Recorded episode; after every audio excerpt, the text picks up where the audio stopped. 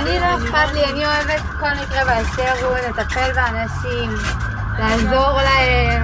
היי, אני רוני ברנר, תלמידת תיכון, וברוכים הבאים לפודקאסט שלי, מתי בפעם האחרונה. בשנים האחרונות אני מנצלת את רוב הזמן הפנוי שלי בהתנדבות, במגוון גופים וארגונים. אגב, הילדה שדיברה בהתחלה עם הקולות של הסירנה ברקע, זו אני, במהלך נסיעה למטופל במשמרת. נושא ההתנדבות חשוב לי מאוד באופן אישי, ובגלל זה גם בחרתי לדבר עליו בפודקאסט. והיום החלטתי לעסוק בנושא שאני מאוד אוהבת, ונוגע לי באופן אישי.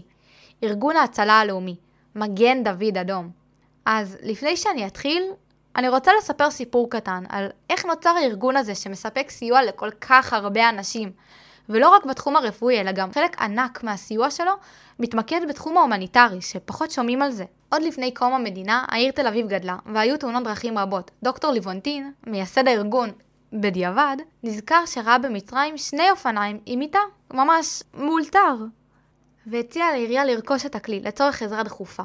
בסופו של דבר הרעיון לא יצא לפועל, ובשנת 1930 ליבונטין התכנס עם עוד שישה אנשים בתל אביב, ואלו החליטו להקים ביחד את האגודה לעזרה מהירה, מגן דוד אדום. בהתחלה התקיים קורס עזרה ראשונה ל-73 מתנדבים. נאספו תרומות לרכישת אמבולנס שהיה עוד הראשון, והארגון החל להתפתח. בשנה הראשונה היו אלף קריאות, אם להיות מדויקים 1032, בשנייה 2,000 ובשלישית כבר 4,000. ככה הארגון המשיך לרכוש כלים לצורך עזרה לתושבים, הכשרת מתנדבים והמון פעילויות טובות שיסייעו לאוכלוסייה. בשנת 1950, כבר אחרי קום המדינה ו-20 שנות פעילות, הוכרז מד"א כארגון ההצלה הלאומי, באופן רשמי, כן? כאשר נחקק חוק מגן דוד אדום.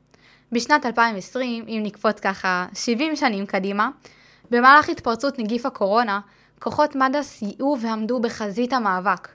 כיום, או יותר נכון, ב-2016, לקחו חלק בפעילות מד"א למעלה מ-30 אלף מתנדבים, מתוכם 11,000 מתנדבי נוער, ורק בשנת 2016 צוותי מד"א טיפלו ופינו 702 אלף אנשים. זוכרים שבשנה הראשונה של הארגון טופלו אלף אנשים על ידי הצוותים? אז תכפילו בכמה. ואני אספר לכם על הדרגות שיש במד"א, כדי שבפעם הבאה שתראו מישהו עם מדים של מד"א ברחוב, תדעו לשייך אותו, תדעו מה הסמכויות הרפואיות שלו, באיזה דרגה הוא בכלל.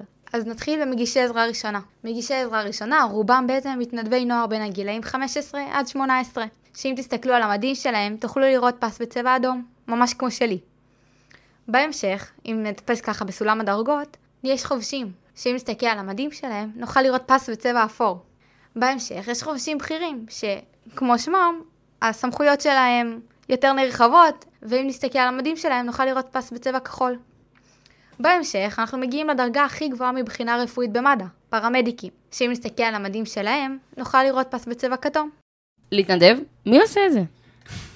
האמת שהרבה, המון אנשים, שעוצרים את החיים, את השגרה העמוסה והמעייפת, ונותנים מעצמם בשבילך, בשבילי, ובשביל כל אחד אחר ללא תמורה. רגע, ואתה מכיר אנשים שעושים את זה? היי, אני רוני ברנר, ואתם מוזמנים להאזין לפודקאסט שלי, מתי בפעם האחרונה, ולהכיר ביחד איתי את אלו שבוחרים להתנדב בכל יום מחדש. הגעתי לתחנה שלי, מד"א רחובות, ושאלתי כמה מתנדבות נוער, למה הן שם? מה גורם להן להמשיך לרצות להיות שם בשביל אחרים ולתרום מעצמן באופן קבוע? ואלו התשובות שלהן. מה ההרגשה אחרי משמרת, שאת כבר בבית, ויודעת שעשית את כל מה שאת יכולה כדי לעזור למטופלים שלך? אז ההרגשה שלי אחרי משמרת באמת זה בעיקר הקטע הזה של הסיפוק, שאני יודעת שעכשיו באתי למשמרת ובאתי הכי, הכי בטוב שיכולתי להיות ועשיתי את הכי טוב שיכולתי לעשות ובאתי והייתי כולי עם המטופל ועזרתי במה שצריך, בין אם זה בפן הרפואי ובין אם זה בפן אפילו של להושיט יד ולהקשיב. אה, ההרגשה אחרי משמרת היא בעיקר עייפות, ממש מלא עייפות. ואני שמחה כאילו שאני יכולה כאילו לעזור איפה שאני יכולה, אני משתדלת. אה, וגם אם זה לא, גם אם האסימון לא נופל לך ברגע שאתה חוזר הביתה, זה משהו שהוא מאוד מתמשך ומאוד אה, גורם לך לרצות להגיע למקום הזה שוב ושוב, כי אתה באמת מרגיש ש... אה, שאתה עושה משהו, אתה מרגיש ש...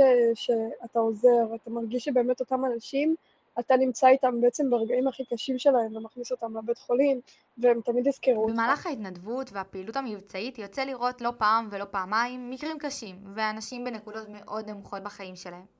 קשה להתמודד עם זה, כאילו, איך מתמודדים עם הקושי הזה? במהלך ההתנדבות כן יוצא לראות מקרים יותר קשים ואנשים בנקודות מאוד נמוכות בחיים שלהם, אבל אנחנו באים ועוזרים, ובמידת הצורך אנחנו הולכים ומדברים עם האנשים שבאמת חשובים לנו, כמו המשפחה או חברים, או לצורך העניין אה, אנשים במד"א שאנחנו מאוד סומכים עליהם, ומדברים איתם וככה אנחנו מתמודדים עם המקרה.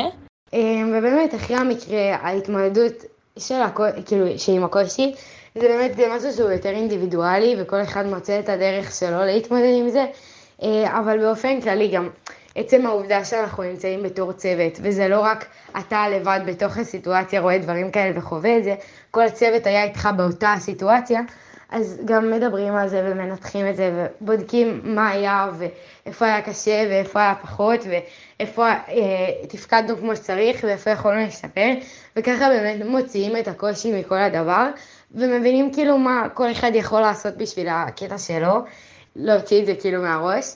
אה, אני יכולה לומר שמה שלי הכי הרבה עוזר אה, ברגע שאני מקרה קשה, זה העובדה של להריץ עכשיו את המקרה בראש ולהבין שאני עשיתי כל מה שאני יכולה בשביל המטופל. לדעת שאני נתתי את המאה אחוז שלי כדי שהוא יהיה במצב הכי טוב שהוא יכול להיות.